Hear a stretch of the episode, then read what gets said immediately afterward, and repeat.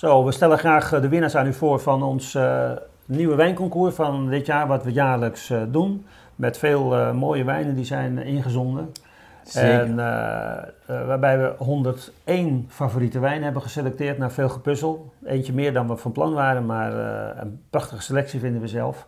En we hebben hier de winnaar van de categorie rood onder 10 euro. Ja. De, niet onbelangrijke categorie ja, je ziet, dat is maar één winnaar, dus het betekent al dat, er, dat het aantal inzendingen niet zo heel Nee. hoog was. Minder hoog dan bij wit, Ja. opvallend genoeg, waar we drie eh, winnaars mochten presenteren. Maar eh, dit is toch wel eh, fijn om, om, om zo'n mooie wijn onder een tientje te kunnen Zeker. presenteren. En, Ja. Niet verrassend misschien een, een Rhônewijn. Nee, nou ja, Maar, ik, ik, ik, ik weet nog dat, dat, ik, dat we verleden jaar schreven eh, dat, we, dat we Ronne eh, vooral boven een tientje hadden. Hè, 10 tot 15, 15 Ja. tot 20 in die Ja, categorieën. Ja, dat wordt het Dus. En dus dit is best wel een uitzonderlijke eh, wijn. Maar het, is, het, is, het zit op het randje van, de- van de 10 euro. En het is ontzettend, gewoon ontzettend lekker. Het bewijst natuurlijk dat de Ronde nog steeds voor heel weinig geld gewoon hele smaakvolle rode wijn kan maken.